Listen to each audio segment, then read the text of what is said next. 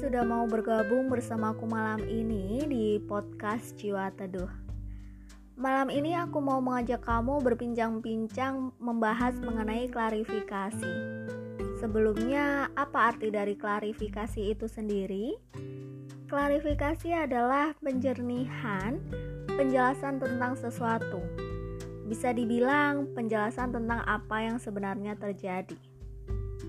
Menurutmu, mengapa orang melakukan klarifikasi?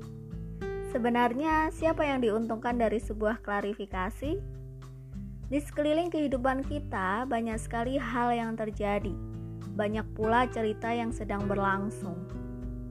Ketika suatu cerita dari kisah hidup seseorang dikisahkan kembali, diceritakan kembali oleh pihak ketiga, bisa saja cerita dari pihak ketiga itu tidak persis sesuai skrip ataupun skenario-nya. Bisa saja kisah yang diceritakan oleh pihak ketiga itu dilebih-lebihkan atau dikurangi, sehingga menciptakan sebuah pesan yang tidak sama dengan cerita aslinya.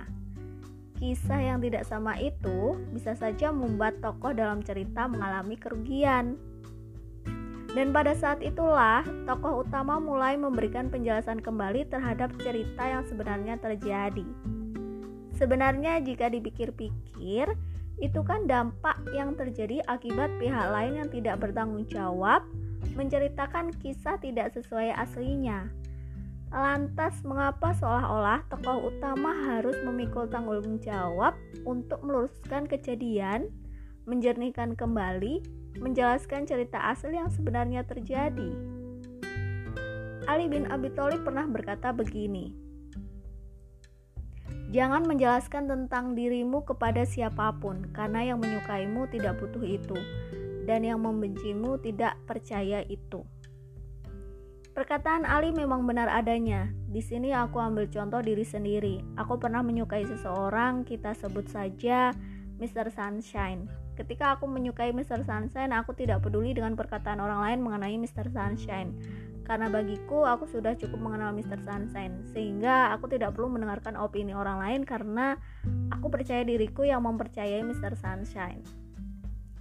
Lantas, pertanyaan selanjutnya adalah jika ada orang yang meminta penjelasan darimu tentang suatu kabar atau bisa dibilang gosip tentangmu, apa yang akan kamu lakukan? Um, itu kembali kepada masing-masing pribadi ya jika kita memposisikan diri kita sebagai orang yang digosipkan dan ada orang yang ingin tahu tentang kebenaran gosip tersebut, kalau aku, aku akan melihat dulu orang yang penasaran tentang kebenaran gosip itu. Apakah dia orang yang bisa mensupportku atau malah orang yang bisa merugikanku? Jika orang itu tidak merugikanku, ya mungkin aku akan menjelaskan dengan sebaik-baiknya. Aku akan klarifikasi menjelaskan kembali supaya tidak ada hal yang bersifat abu-abu.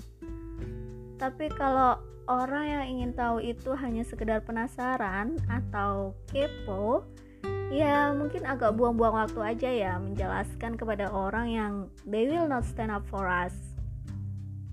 Klarifikasi kepada orang yang hanya kepo itu menurutku sama seperti menggarami lautan. Toh pada dasarnya setiap orang memiliki perspektifnya masing-masing. Kembali lagi ke pilihan setiap orang mau mempercayai cerita yang mana, cerita asli atau cerita dari pihak lain yang tidak orisinil. Dan kembali lagi ke masing-masing pribadi, memberikan klarifikasi atau tidak, cuma kamu yang memiliki kuasa. Tetap semangat ya. Mungkin lain kali kita bisa ngobrolin tentang cara pandang seseorang terhadap orang lain. Semoga malam ini jiwamu, jiwaku, jiwa kita lebih teduh dari sebelumnya. Selamat malam. thank you